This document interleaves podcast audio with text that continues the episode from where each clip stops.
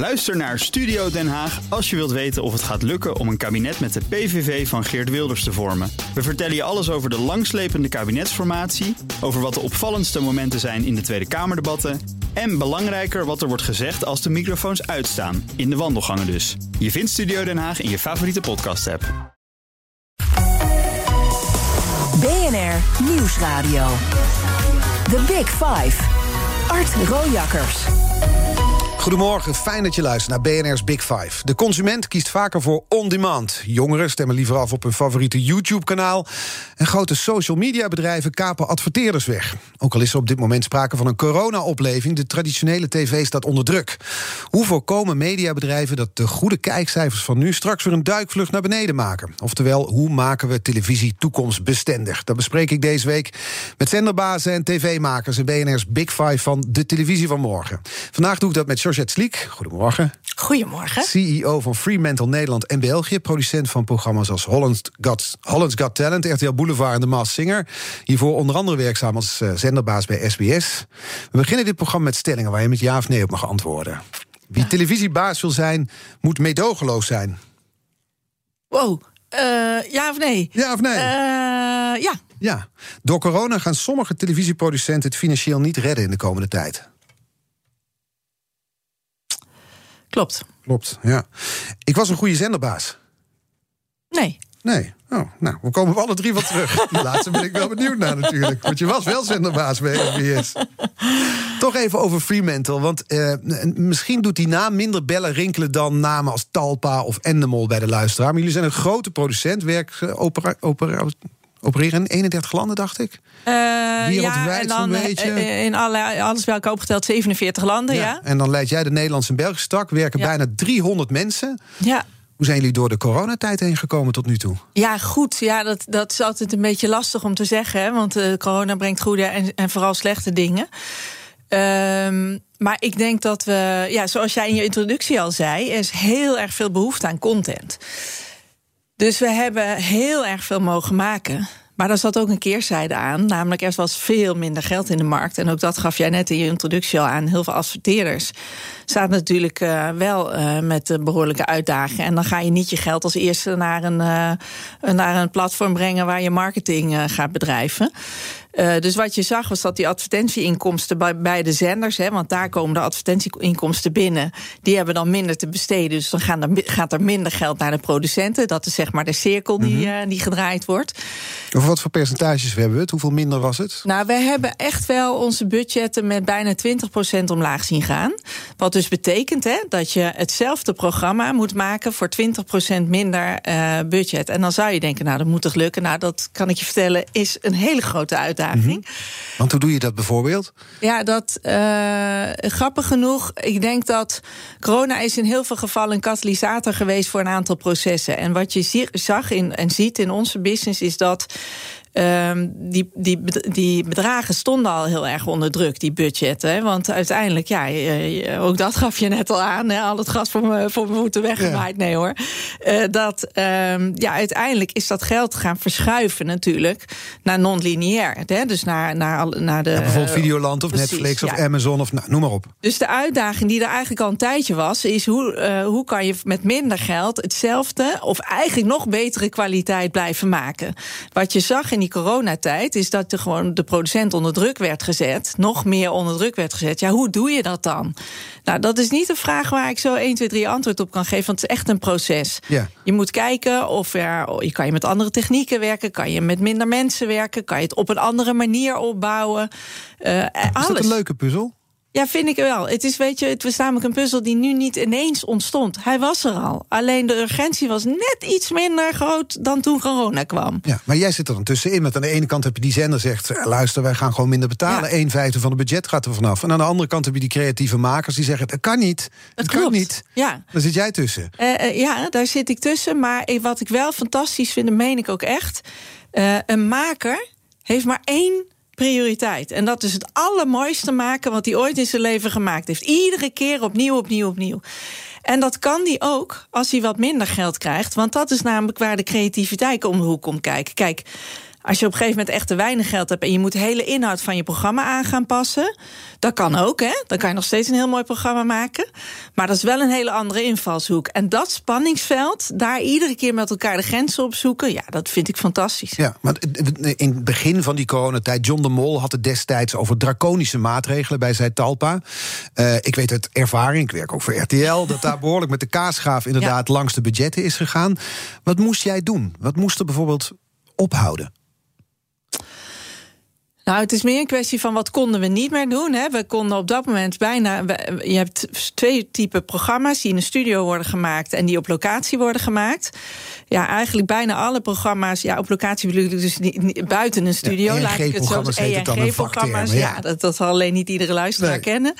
En um, uh, ja, die ENG-programma's, die dus echt gewoon in het veld, noem ik dat maar even gemaakt werden, die konden op dat moment, in het begin, werden die eigenlijk best wel rigoureus gecanceld. Inmiddels is daar hebben eigenlijk alle producenten wel een weg gevonden met elkaar om dat, om dat wel te kunnen doen, om wel mhm. veilig te kunnen produceren. Maar op dat moment was het natuurlijk handen in de lucht. Oh jongens, dit kunnen we niet meer dus maken. het bleef over in die studio, maar dan zonder publiek. En inderdaad, dat was het tweede punt. Studio zonder publiek. Nou ja, daar hebben we wel. Daar heb ik echt geleerd dat dat. Uh, en dat wist ik al wel. Maar als je het ondervindt, dan zie je toch dat het toch wel heel veel impact heeft. Programma's, entertainmentprogramma's met publiek dat, dat is niet zonder reden. Publiek is een onderdeel van het concept. En zeker bijvoorbeeld bij een programma als Hollands Got Talent. Ja, als je dan ineens geen publiek meer hebt, of inval in een zaal daarnaast, of nou ja, op welke manier dan ook, virtueel, whatever. Ja. Ja, het, het, het heeft gewoon niet hetzelfde effect. Nee, en dus wordt u daar door de kijker ook door afgestraft? Absoluut, absoluut. En uh, dus moet je ook Want als het programma werd minder bekeken. En dat is, dat is direct aanwijsbaar, denk je, door het feit dat er geen publiek was. Ja, dat durf ik wel te zeggen. Want wij maken dat programma dus wereldwijd in ongelooflijk veel landen. En we hebben eigenlijk in ieder land gezien het effect van het niet hebben van publiek bij dit programma is niet bij alle programma's zo, maar bij dit programma had regelrecht impact op het resultaat. En dat is eigenlijk doodzonde. Ja. Dus uh, je moet als producent ook af en toe nee kunnen zeggen en durven zeggen. Ook in, in een moeilijke tijd. En bij dit programma hadden we dat misschien moeten doen. Hm. Ja, de komende drie dagen hierna heb ik uh, uh, drie bazen van de grote zenders te gast. Morgen Paul Reumer van Talpa. Overmorgen Peter van der Vorst van RTL, mijn eigen baas. Wat een ingewikkeld gesprek ja. tussen. Ja. En dan Frans Klein van de NPO op vrijdag. Dat zijn de mensen die dus bij jou aankloppen, bij jouw bedrijf, om programma's in te kopen. Is het nu keihard onderhandelen over de pingels met die mannen? Nou, het mooie is dat deze mannen zijn alle, alle drie uh, hartstikke creatief. Dus wat altijd super leuk is met hun te spreken, is dat ze echt heel vaak helemaal meegaan met dit idee. Maar al deze partijen hebben inkoopafdelingen. Dan wordt het lastig, bedoel je? En dan wordt het een stuk uh, ongezelliger vaak. Ja, en dat wordt nu door corona nog ongezelliger dan het al was. Ja, ja, ja, ja. ja. En dat begrijp ik ook. En uiteindelijk moet je met elkaar er komen. En dat lukt ook altijd wel. Waarom begrijp je dat? Want in de eerste golf was wat je zei: we konden de straat niet meer op. En studioprogramma's zonder publiek. En adverteerders trokken zich terug. Inmiddels wordt er meer televisie dan in lange tijd gekeken. Dus het draait volgens mij als een tierenlier. Dan zou je ook kunnen denken als producent. En nu die 20% er weer bovenop. Ja, nou, dat denk ik ook hoor. Ja. ja. Dan zeggen zij waarschijnlijk nee. En zij zeggen inderdaad nee. Um, je moet een middenweg daarin met elkaar vinden. Jij bent ook een maker. Jij weet hoe het is om, uh, om daar te zitten. En uiteindelijk denk ik dat het belangrijkste wat je als maker altijd moet doen, is de grens aangeven vanaf welk moment je zegt. En als jullie dit er ook nog uit willen hebben qua geld dan is dit het effect inhoudelijk op het programma en dan wil ik het niet meer maken. Of dan ga ik het niet meer maken. En niet als een dreigement, maar ook gewoon om voor de zender te beschermen wat je denkt gekocht te hebben. Waar heb je dat bijvoorbeeld moeten doen? Um, waar heb ik dat moeten doen? Nou, ik denk dat. Uh, je zei: hier trek ik een streep. Verder dan dit kan ik niet gaan. Nou, ik kan nu, sorry, dat, dat nu 1, 2, 3 niet op een goed voorbeeld komen. Maar uh, eigenlijk moet je dat de hele tijd nu doen. Kijk, we hebben bijvoorbeeld. Um, Eigen huis en tuin, dat verdween. Hè, en dat kwam terug in een uh, heel ander jasje. Eigen huis en tuin, uh, lekker leven. Ja, op RTL in de vooravond, de presentatrice Vrouwtje de Pot. Dankjewel, ja, helemaal goed. Jeetje, wat ben ja. jij goed ingevoerd. Ja, en uh, nou, wat je daarin zag is dat de RTL gaf ons een taak, stel een budget. En dat was, wisten we eigenlijk aan de voorkant, dat was super krap. En op een gegeven moment moet je dan zeggen, ja, wat er dan gebeurt. Dan in alle enthousiasme van de ontwikkelen zeggen, oh, dan moeten we dat doen en dan doen we dat erbij en dat is leuk en dan doen we ook dit. Ja, en dan moet je op een gegeven moment zeggen, ja, jongens, maar dat kan alleen maar als we nu tegen elkaar zeggen dat er een beetje geld bij moet. Nou, dat is dan dus niet de bedoeling en dan gaan er dus dingen uit. Ja. Dat is ook spannend, hè? Want je weet niet hoe je kijker je daarin uh, nou ja, afstraft, inderdaad. Of dat hij zegt, ja, maar nu vind ik het wel heel uh, karig worden, bijvoorbeeld. Hoe is je het programma wel, dan? En dan trouwens dat dat heel goed gelukt is. Ja, want als we naar de kijker uh, kijken die, die dat programma tot zich neemt, wat, wat is er voor die kijker nu anders dan als het geen corona was Helemaal geweest? niks. Ja, dat, maar jullie kunnen bepaalde onderdelen niet doen, zeg je. Die hebben we moeten schrappen, want anders Ja. kost het te veel budget. Ja, maar de kunst is natuurlijk als maker dat je het voor de kijker net zo attractief houdt. Alleen je gaat andere dingen doen en je moet creatiever zijn in hoe je dat dan ook gaat doen. Ja, het is, een- het, het, is niet, het is niet zo dat je een boek kan lezen en dat je dan weet hoe het werkt. Het is echt een proces met: oké, dan laten we dit erin, dan halen we dat eruit. Eh, wat ook gebeurt, hebben we ook een paar keer gedaan. Ja, dan neem je een iets, eh, iets minder bekende presentator. Vaak. Is Want die zijn goedkoper, Die bedoel je? zijn iets goedkoper, sorry Art. Oké, nu hou ik mond eh, even. Ja, goed. Ik zeg niks. Een van die stellingen in het begin was... door corona gaan te sommige televisieproducenten het financieel niet redden. Toen zei je dat klopt. Ja, dat klopt. Eh, een van de dingen die je ziet, en ik eh, vind dit een lastig onderwerp, want ik behoor tot de grotere producenten.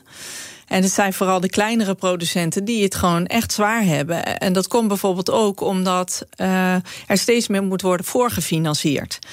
Als je bijvoorbeeld voor, de, voor de grote nieuwe streamingdiensten wat wil maken. Ja, en dat is veel drama. Dat maken wij ook. Geld kost dat. Ja, dat kost verschrikkelijk veel geld. Je loopt daar ook heel veel risico. En het, je moet het voorfinancieren. Dus eh, dat betekent dat je eerst alles zelf moet betalen. En pas op het moment dat je hebt opgeleverd. En dan ga, heb je het echt over minstens een jaar later. Als dan krijg je betaald. dan krijg je Maar dan betaald. kunnen die kleine jongens zich niet voorloven, bedoel je? Nee, er zijn, niet, eh, nee, er zijn een hele boel die dat niet, zich niet kunnen veroorloven. Dan heb je een andere situatie die corona ook heeft opgeleverd, helaas. Dat vooral bij drama konden heel veel producties niet doorgaan. Dat was met hele grote groepen of eh, nou, je de zoen- en seksscènes, eh, vechtscènes, alles wat binnen de anderhalf meter was. Daar zijn nu goede afspraken over, maar in het begin niet. Op het moment dat jij niet kan leveren op tijd bij die streamingdiensten, ja, dan zijn ze snoeihard. Ja, je kan niet leveren. Dus eh, ja, eh, klaar ermee. Ja, dan gaat je geld. Daar gaat je geld. En eh, nou zet ik ze heel onsympathiek neer. Dat is echt niet terecht wat we zoeken. En Echt ook onverstandig, want je hebt ze nodig. ja, nee, maar we hebben elkaar nodig. En, maar ook de, de grote streamingsdiensten, en dat snap ik ook, hebben ook zekerheid nodig. Dus dat ze die dan sneller zoeken bij een grotere partij dan bij een kleinere partij, dat snap ik. Wat ik wel heel erg goed vind aan deze tijd, is dat vaak ook gevraagd wordt: kunnen de grote de kleine ook helpen? En dat kan. En dat gebeurt ook.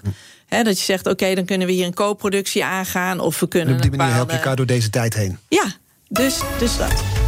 The Big Five. Art Rojakkers.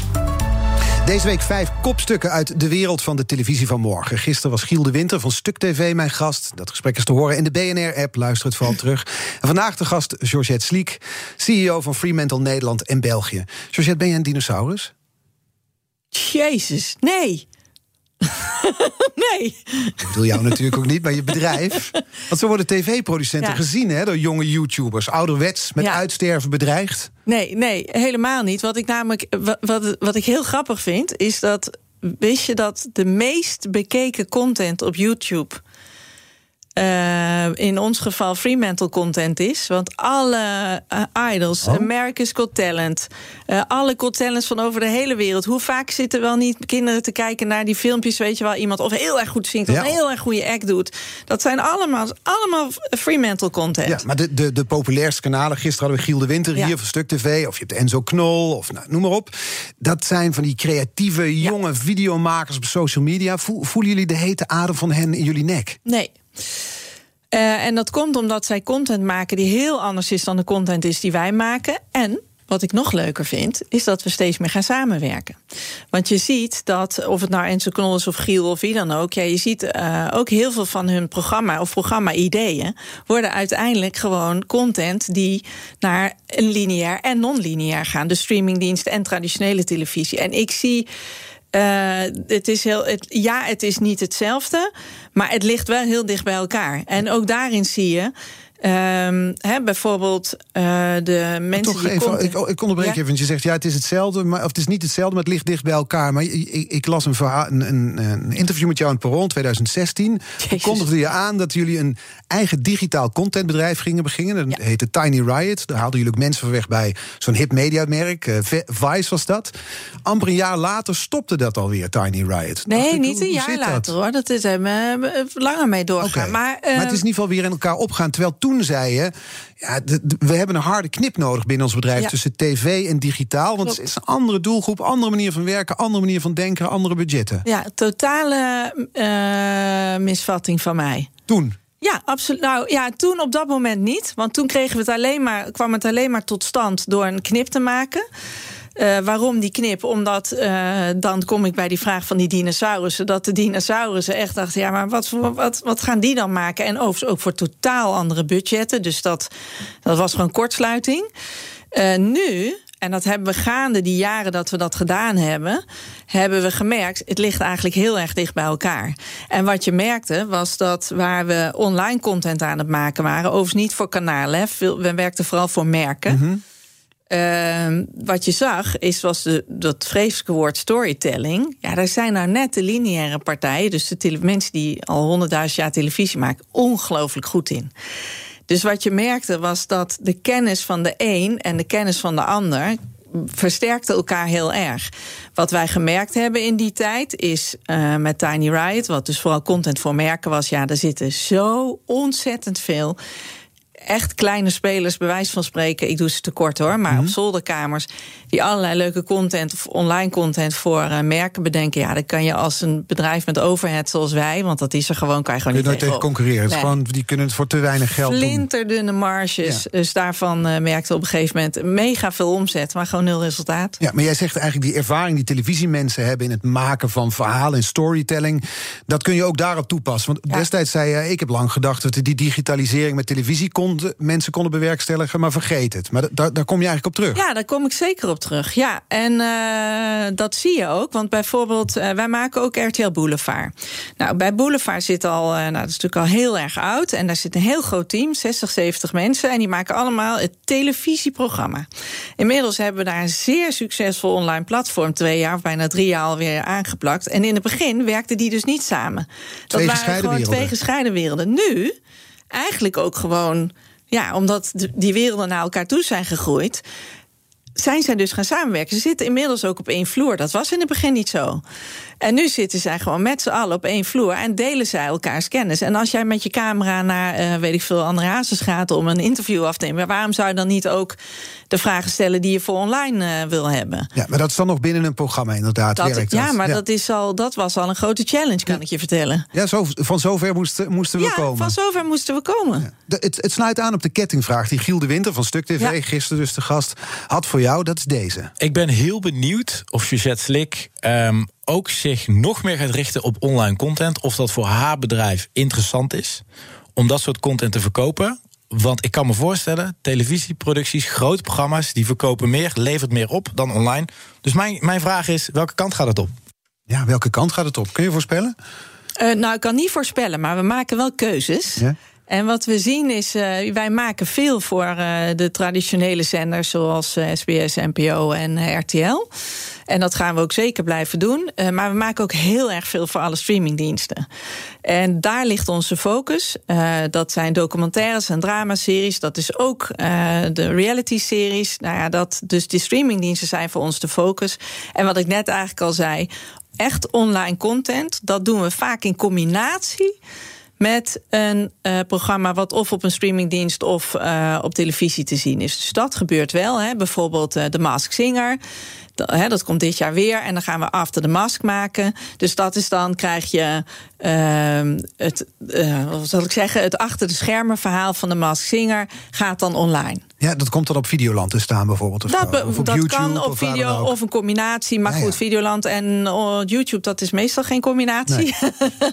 maar eh, dat zijn wel eh, dingen die we altijd al gedaan hebben en blijven doen. Maar niet zo specifiek als Giel bedoelt. Hey, je had het over die streamingdiensten. Je zei al hoe het, hoe het samenwerken is met ze. Dat je moet voorfinancieren. Dat is vooral bij dramaseries dus kostbaar. Jullie maken bijvoorbeeld Mokromafia, toch? Ja, ja, maar dat is voor Videoland. Dat is voor ja. Videoland inderdaad.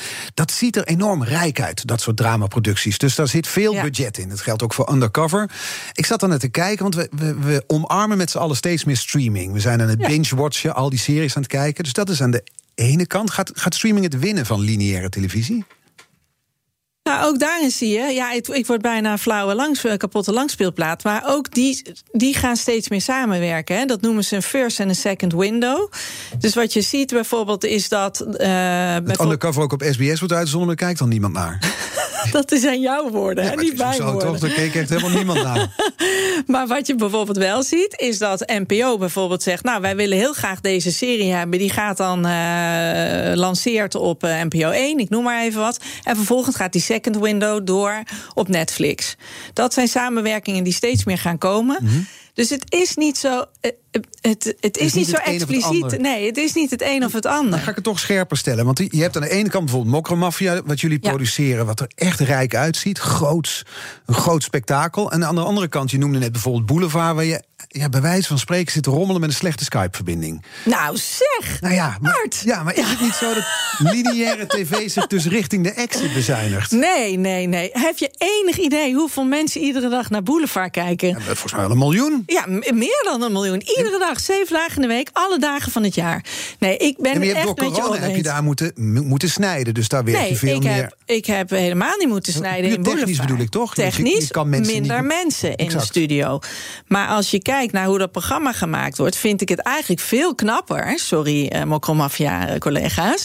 dan hoe Mokromafia gemaakt wordt. Want dan, omdat zeven... Ja, wat maken jullie hier iedere dag? Zeven dagen in de week content maken. Mhm. nou, je weet zelf... Dan moet, je, eh, dan moet je goed voor elkaar hebben. Want anders dan gaat niemand meer naar je luisteren of kijken. Want dan zit je gewoon bullshit te vertellen, toch?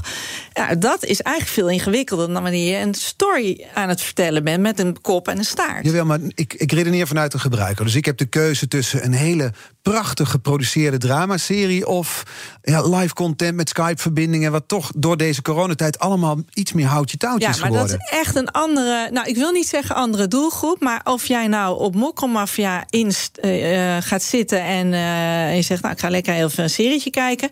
Of jij staat bij wijze van spreken terwijl jij voor je tweeling het eten aan het maken bent. en jij hebt Boulevard aanstaan, want dat gebeurt ook veel. Is een heel andere manier van naar Content kunt het niet kijken. met elkaar vergelijken. Totaal niet. We gaan Dank zo je. verder praten. Dan wil ik graag van jou weten of je, hè, want daar zei je ja op... dat je medogeloos moet zijn als baas in de tv-wereld. Daar gaan we op terugkomen. Tot zo. Oh. BNR Nieuwsradio. The Big Five. Art Rojakkers. Welkom bij het tweede half uur van BNR's Big Five. Deze week vijf kopstukken uit de wereld van de televisie van morgen. Met vandaag Georgette Sliek bij me, CEO van Fremantle Nederland en België. Producent van nou, een heleboel programma's. RTL Boulevard, The Masked Singer, Heel Holland Bak doen jullie ook, hè? Willem Bart, eh, Ja. Onze boerderij, Boer zoekt vrouw. Houd me niet op. Ja. Help mijn man eens klussen. Hoe lang wil je hier nog staan? Oh, we, we- we hebben nog een half uur. Wat vind je eigenlijk mooi aan tv? Eh, wat ik mooi vind aan eh, contentmakers, laat ik het zo zeggen. Is dat, ehm, dat vind ik eigenlijk ook trouwens mooi aan de, alle mensen die om televisie heen zitten. Echt, de hemel kan naar beneden vallen. Maar er wordt gewoon gemaakt. En dat vind ik dus ook mooi. En wat jij eerder vroeg aan mij, maar hoe lukt dat dan met minder eh, budget? Is omdat het zulke creatieve zielen zijn allemaal. Die zorgen gewoon dat het voor elkaar komt. Ja. En dat het mooi is. En je kan ervan houden of niet van houden. Maar het staat wel. Ja, het gaat door. Ja, ik, ik vraag het omdat je zelf, je, je bent niet opgeleid als maker, zou ik maar zeggen. Je bent jurist van huis uit. Ja, Carrière gemaakt bij detacheringsbureau Brunel. klopt. Eh, daarna de definitieve overstap gewaagd naar tv, al heel wat jaren geleden. Maar wat, wat voeg jij toe aan het medium? Nou, dat hebben we in het begin ook wel eens afgevraagd hoor. nee, ik denk dat. Uh, er, vroeger was het zo dat. Uh, oh, vreselijk om dat zo te zeggen. Maar uh, kwamen de mensen die leiding gaven aan het televisiebedrijf, productiebedrijven. die kwamen uit het bedrijf zelf. Zoals dat zo vaak ging en zoveel. Creatievelingen die manager ja, werden. Nou, dat zijn ongeveer de ergste. Hè, dat wil je eigenlijk echt niet. Dat wil je niemand aandoen, bedoel je? En ik denk dat wat ik heb kunnen brengen bij alle bedrijven. is eigenlijk een, een, een stuk professionalisering. Want uiteindelijk, al die bedrijven moeten en willen groeien. Maar dat kan alleen maar op een stevig fundament. En een stevig fundament is ook een fundament waar vaak de willekeur uit is. Waar niet zoveel subjectiviteit is. Maar waarbij je gewoon zegt: oké, jongens, laten we even naar kijken. Wat hebben we hier? Wat hebben we nodig? Ja, Pietje zit daar inderdaad al 300 jaar. Maar is Pietje wel de meest geschikte man of vrouw die daar moet zitten? Nou, dat zijn natuurlijk vragen die je niet stelt aan je vrienden. Dus moet je af en toe uh, ja, ook gewoon heilige huisjes uh, ter discussie willen stellen. En dat durf je en dat doe je. Want jouw eerste klus in de tv-wereld was een flinke reorganisatie bij facilitair bedrijf, zeg maar camerabedrijf. Dutchview ja. heette dat toen. Dat leverde je ook een bijnaam op, de slager van Dutchview. Nee, echt waar? Ja. Oh. Was dat een... Ja, echt waar. Nooit ja, gehoord. Ik, ik, heb het teruggelezen. Was het een mooie tijd? Nou ja, als ik jou nu hoor, denk ik dat zal voor de mensen niet zo'n mooie tijd zijn geweest. Maar ik, had, ik vond dat zo'n waanzinnig mooi bedrijf. En dat komt omdat. Dat zijn mensen, hè, dus cameramensen, geluid, licht, noem maar op. Hard, harde werkers. Hè, Technische mannen en vrouwen van ja, en, en zwaar werk ook. En die gaan door het vuur om er gewoon voor te zorgen dat dat wat de maker graag wil als plaatje wil hebben om dat voor elkaar te krijgen. Dus ik vond dat heel uh, dankbaar en mooi om voor te werken. Dan moest je dan gaan reorganiseren. Ja, maar reorganiseren wordt altijd als iets heel negatiefs neergezet. En dat snap ik, omdat mensen een baan kwijtraken. Maar uiteindelijk, wat je doet, is een bedrijf gezond maken toekomstbestendig maken. En als je dat doet met een hele goede visie en een hele goede lijn, die je constant blijft volgen en uit kunt leggen aan jezelf, maar vooral ook aan je medewerkers.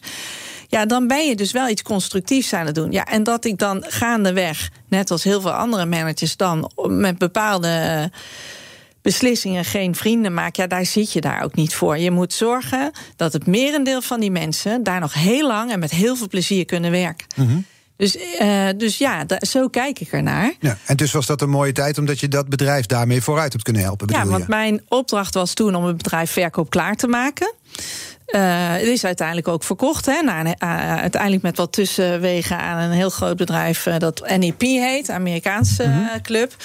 En ik denk dat daarmee de toekomst van dit facilitaire bedrijf uh, absoluut gesecuriseerd is. Dus ja. Uh, ik, uh, ja, er zullen mensen die een baan verloren hebben nu echt denken: waar is het teltje? Maar ja, dat is wel zoals het gegaan is. Ja. Ja. Daarna ben je gaan, gaan werken bij SBS als zenderbaas. En een van die stellingen aan het begin van de uitzending was: Ik ben een goede zenderbaas. Of ik was een goede zenderbaas. Jouw antwoord was nee. Nee. Je zat er ook al, maar anderhalf jaar. Ja, volgens mij ietsje langer, maar dat doet er ook niet toe. Nee, ik was de eerste CEO nadat er overname was gedaan door Sanoma en, uh, en, en John de Mol, door Hartalpa. En um, ja, ik kan er verder niet over uitweiden, want daar heb ik allemaal handtekeningen voor moeten zetten. Oh ja? Maar uh, laat ik het zo zeggen, dat was een uh, hele moeilijke positie, omdat die twee partijen moesten elkaar vinden, om het zo maar te zeggen. Als bloed wel drinken, toch? Nou, ze waren niet elkaars vrienden, nee. en, dat mag je dan wel zeggen. dat mag ik dan wel zeggen. En daar heb ik, vind ik zelf, een cruciale fout in gemaakt. En dat is dat ik altijd had gedacht dat ik een heel polariserend iemand ben. Uh, in de zin van: oké, okay, jongens, dit is de route, zo gaan lopen. Maar toen ik in een omgeving kwam waar al heel veel, of in ieder geval discussie was merkte ik dat ik toch veel verbindender was. Dus uiteindelijk ben ik gaan proberen om de boel bij elkaar te uh, houden. Bij te elkaar brengen. te houden. En ik had mij gewoon daar helemaal niet in moeten mengen, want dat was natuurlijk een. Uh, een discussie die op een heel, uh, heel ander speelveld zich afspeelde. En dat, Waar, dat loopt dan af, dan moet je handtekeningen zetten... je krijgt de afkoopsom en dan ga je lekker naar een producent toe. Waar je nu al zeven jaar zit, volgens mij. Ja, daar zit ik alweer zeven jaar, ja. ja. En in die zoiets. functie waar je nu zit... moet je ook om kunnen gaan met creatievelingen... Met, ja. met presentatoren, met ego's. Je staat nu ook tegenover eentje. Jij komt niet uit die tv-wereld oorspronkelijk. Hoe, hoe doe je dat? Nou ja, dan moet ik eigenlijk aan jou vragen, want wij hebben samen gewerkt. Ja. Maar, ehm, Maar ook met, met het, het gaat ook dus om, om creatieve makers. Het gaat Ja. om freelancers die in en uit komen vliegen. Dus Ja. je- het zit aan de ene kant, beschrijf je net jouw sterke punt. Dat je, dat je zakelijk naar een bedrijf kan kijken. Dat je eigenlijk met een soort managersblik kan kijken. Maar je doet dat in een creatieve omgeving. omgeving, ja. Nou ja, kijk, ik denk dat het belangrijkste is dat je. Nou, ah, ik loop er nu al wel echt heel erg lang rond. Dus eh, ik durf wel te zeggen dat ik inmiddels snap hoe een programma eh, in elkaar gezet moet worden. En eh, wat voor een creatief belangrijk is en niet. En naar alle dynamiek die daarbij komt kijken. Maar in iedere branche zitten, heb je met ego's te maken. En die van ons in media iets meer dan gemiddeld. Waarom kijk je nu naar mij? Eh, nee, ik keek niet naar jou. en dat is ook maar goed ook, hè? want anders krijg je hele saaie televisie of hele saaie content. Eh, uiteindelijk gaat het erom dat er altijd iemand moet zijn, denk ik, die, die koers blijft houden. En ehm, ik hoef niet met de presentator de hele dag op de vloer te staan. Dus als we echt tegen elkaar even moeten zeggen: ja, maar jongens, zo komen we er niet. Nou, laat mij die rol dan nemen. Want vaak als je dat terugbrengt naar iets wat abstract is of zakelijk is. en de emotie er wat uithaalt. dan heb je vaak gewoon een heel goed gesprek. Nou, eigenlijk omschrijf je jezelf nu als de boeman. Als degene, ja, als degene die Oh. komt als, als er, als er eh, aan Nou de ja, noodrem ik- getrokken moet ja, worden. ik, ik word meestal niet gebeld als alles op rolletjes loopt. Dat klopt, nee. Ik weet niet of ik de boeman ben. Ik kan heel goed, denk ik, ergens juist de angel uithalen. Juist om door boven te gaan hangen en te zeggen... hé hey, jongens, maar wacht even. Wat, eh, laten we heel even de emotie eh, opzij zetten. Voor zover dat kan, hè. soms lukt dat niet. En dan met elkaar kijken, oké, wat willen we? Vaak zijn de belangen allemaal hetzelfde. Iedereen wil dezelfde kant op. Maar soms moet je even opnieuw richting geven. Ja, en dat doe je dan. Want ik kan me herinneren, want inderdaad, we, we hebben ook samengewerkt. Ik kan me herinneren, in het bedrijf bij jullie hangt ergens een slogan. Ik heb hem niet helemaal goed onthouden, maar het was volgens mij of where creatives feel at home of what creatives call home. Weet, weet jij welke ik bedoel of niet? Ja, ik weet zeker wat je bedoelt. Want dat is onze, eh, dat is onze payoff, zoals je dat zo mooi noemt. De Fremantle breedte, hè, dus over de hele wereld. Where creatives, eh, nee, eh, creatives call home. Ja, creatives call home. Ja. Maar, maar ik zat daarover na te denken. Dacht ik, de realiteit is dat veel van die creatives als freelancer werken. Dus die komen een project bij jullie doen en gaan dan ook weer ergens anders werken. De volgende keer werken ze voor John de Mol en dan werken ze voor Endemol en dan werken ze voor jou. Eh, je hebt presentatoren die in en uitvliegen. Dus hoe, hoe, hoe, ja, hoe doe je dat met die creativiteit? Hoe, hoe borg je die? Want dat is toch het belangrijkste in de tv-wereld. Eh, ja, maar we zijn, je moet je voorstellen, we zijn wel bij een bedrijf met bijna 300 mensen. Dus het is niet alleen maar in- en uitvliegen. Dus wat je vooral ziet is dat we hebben natuurlijk eh vaste kern aan mensen, waaronder de creatieven en waaronder ook veel makers. Eh, presentatoren zijn niet aan ons verbonden, die zijn verbonden aan de zenders waar we mee werken. Ehm, dus wat je ziet is dat ehm, eh, ieder productiehuis heeft eigenlijk wel een bepaalde cultuur. En eh, ik denk, eh, ondanks dat ik misschien nu een totaal onder indruk heb neergezet vandaag, de cultuur van Fremantle is een, is een, is een prettige cultuur. Een cultuur waar uiteindelijk mensen lang blijven werken. Dus wat je ziet is dat we juist wel met een hele vaste kern werken. Maar voor hele spe- specifieke programma's haal je natuurlijk soms expertise van buiten.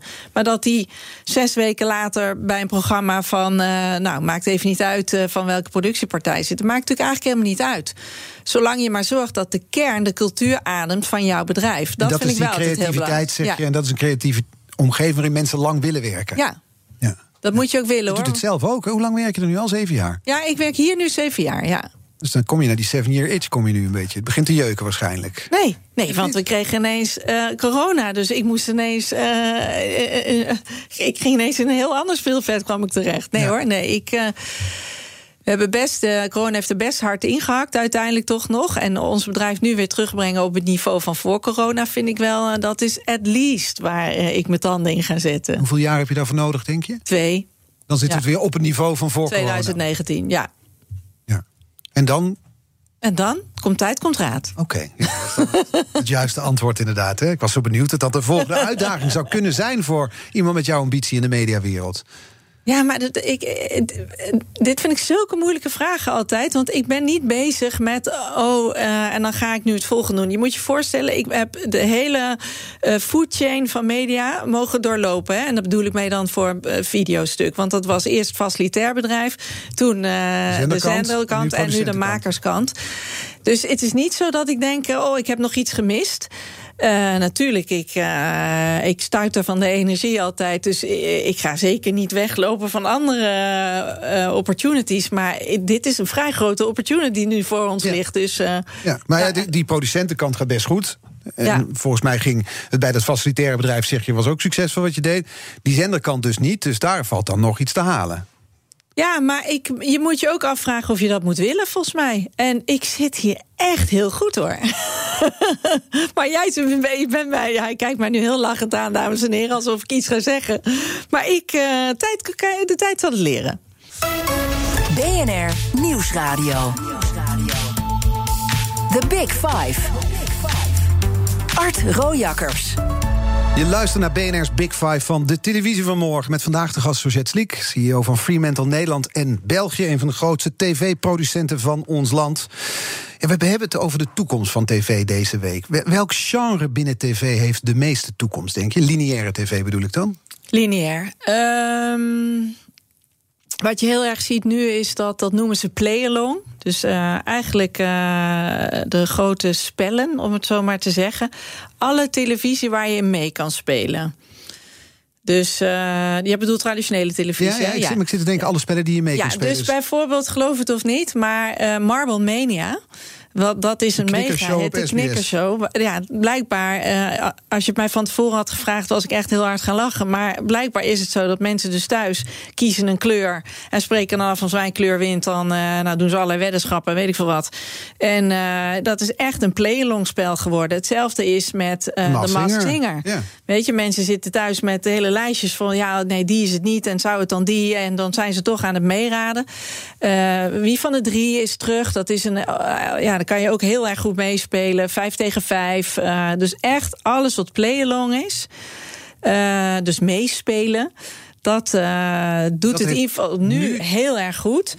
Ja, het is wel moeilijk om te voorspellen wat het na corona goed gaat doen. Weet je. Ehm, dat kan eigenlijk niemand voorspellen. Je ziet dat dit toch uh, een vorm van gezelligheid is waar mensen naar snakken. Ik denk dat dat nog wel een tijdje zo blijft. Want zelfs als we naar minder maatregelen gaan, dan is die drang naar, oh, ik wil iets gezelligs doen, heel groot. Dan zal er zeker minder televisie worden gekeken. Want mensen gaan naar buiten en naar restaurants en festivals. En ja, daar moet je. Dat, maar ook de streamingdiensten gaan dat merken. Dat heeft niks met lineair of non-lineair te maken. Dat is gewoon een soort laat ons los uit ons huis uh, gevoel. Um, dus dat daar een. een, een uh, daar gaat even een terugval uh, zijn. Ja. Live tv? Ja, live tv is, is uh, zolang dat events zijn, zal daar altijd behoefte aan blijven. Want dat merken we wel. Maar voorheen was het zo bijvoorbeeld bij entertainment shows. Dan deed je altijd de laatste paar shows live. Dat was de big thing, was dat. Nou, dat doen we gewoon bijna niet meer. Het is helemaal niet zo dat daar überhaupt een soort van behoefte ligt dat mensen dat meer of beter kwalificeren dan niet live. Maar als het events zijn, dingen waar je bij kan zijn, dingen die gevoelsmatig nu, nu, nu gebeuren, Mm-hmm. hè, daar, dat blijft, dat is zeker zo sport. Uh, events, die natuurlijk uh, Olympische Spelen en dat soort dingen, voetbal, noem maar op, dat, dat blijft absoluut. Dus dat, uh, dus die talkshows, die eindeloze Talkshow. talkshows, maar, maar dat zijn er zoveel inmiddels. Ja, ik, ik ben daar dus wel heel erg benieuwd naar hoe die uh, zich na uh, corona gaan houden, om het zo maar te zeggen. Want daar is het aanbod nu wel echt heel, heel groot. En dat kan nu. Uh, maar ik, ik, ik, nou, dat zou je eigenlijk uh, vrijdag aan Frans Kleine moeten vragen. Die is absoluut de master van de talkshows. Ik ben wel benieuwd ook hoe hij daarnaar kijkt. Ja, je mag hem geen kettingvraag stellen, Nee. maar wel Paul Reumer. Dus Ja. die- daar komen we zo aan toe. Maar nog, nog over die talkshows, want dat is natuurlijk... Jullie maakten ook jarenlang de late night shows voor RTL. ja. Umberto altijd gemaakt. Ja. Ton Huis toen hij overstapte. Ik heb nog een zomer met jullie samengewerkt. Eh, die van Bo maak je, hebben jullie gemaakt. Ja. Hoeveel lopen jullie als producent mis nu jullie die niet meer maken?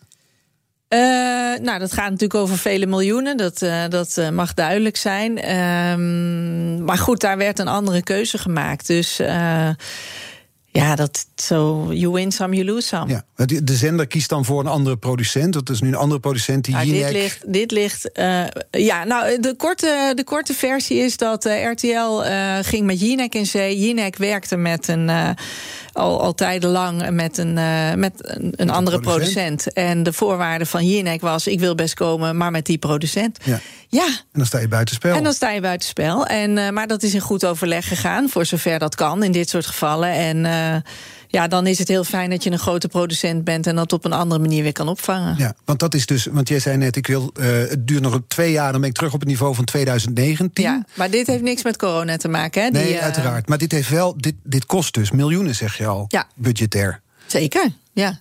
En in 2019 had je die nog wel, want toen produceerde je die talkshows. Uh, nee, nee, wij. Uh, ik moet heel even nadenken. Was dat. Daar ben ik de timing even nu kwijt. Maar volgens mij, wanneer. Nou, ik weet het niet meer.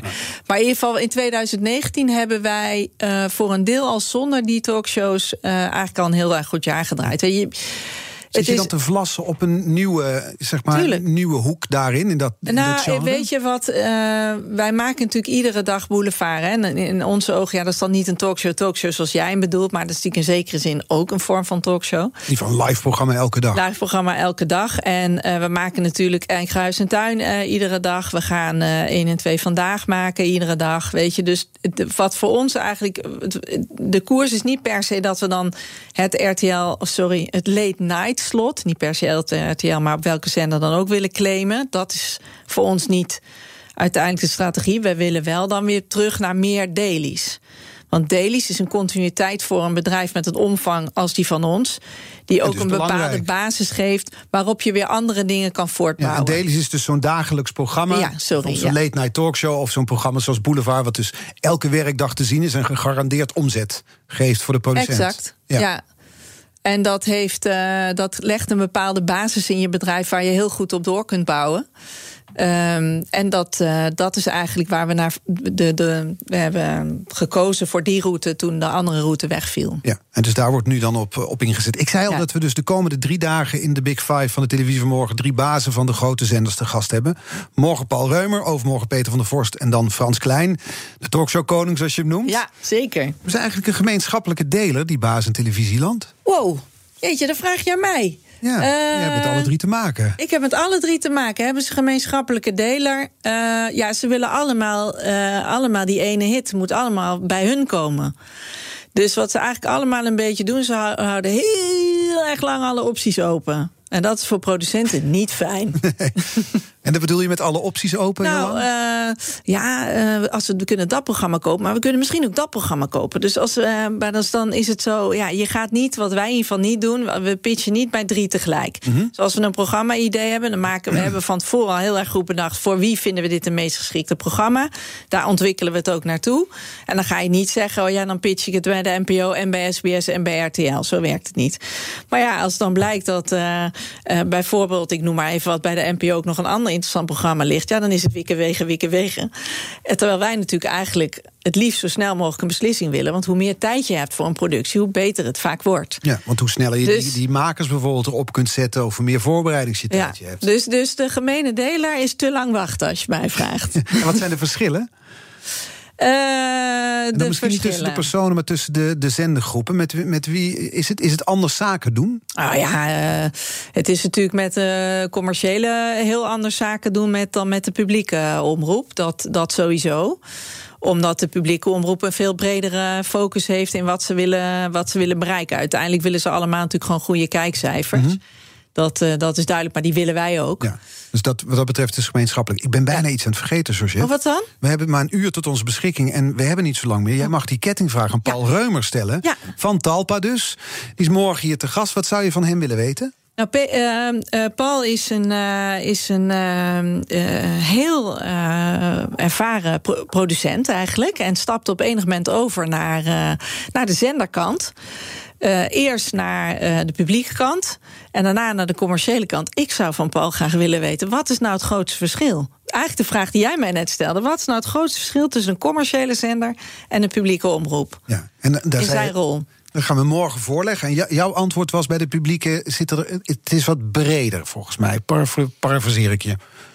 Ja, ik denk dat uh, de publieke meer belangen moet uh, zien te behartigen dan de commerciële. En dat, dat leidt ook tot andere beslissingen. Maar ik, ik ben heel erg benieuwd om het van hem te horen vanuit zijn rol en dus vanuit de inhoud. Ja, we gaan het hem voorleggen morgen, dus Paul Ruimer. Uh, dank voor jouw komst vandaag. Heel graag gedaan. Ja. Welke, welke hit ga je vandaag bewerken? Waar ga je aan werken vandaag?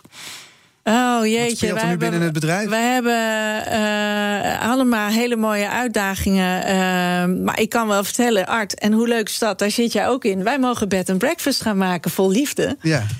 En dat is een productie die eh, qua corona best heel spannend is om te maken. Dus daar, eh, daar ben ik druk mee bezig om ervoor te zorgen dat, eh, dat het ook waargemaakt kan worden. Nou, volgens mij heb je daar genoeg werk aan. Dus dank, Zeker. dank voor je komst, Georgette Sliek, eh, CEO bij Freemantle.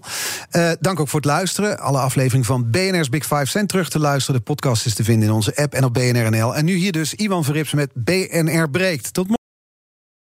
Ook Harm Edens vind je in de BNR-app. Je kunt BNR Duurzaam niet alleen live luisteren in de app, maar ook terugluisteren als podcast, zoals al onze podcasts.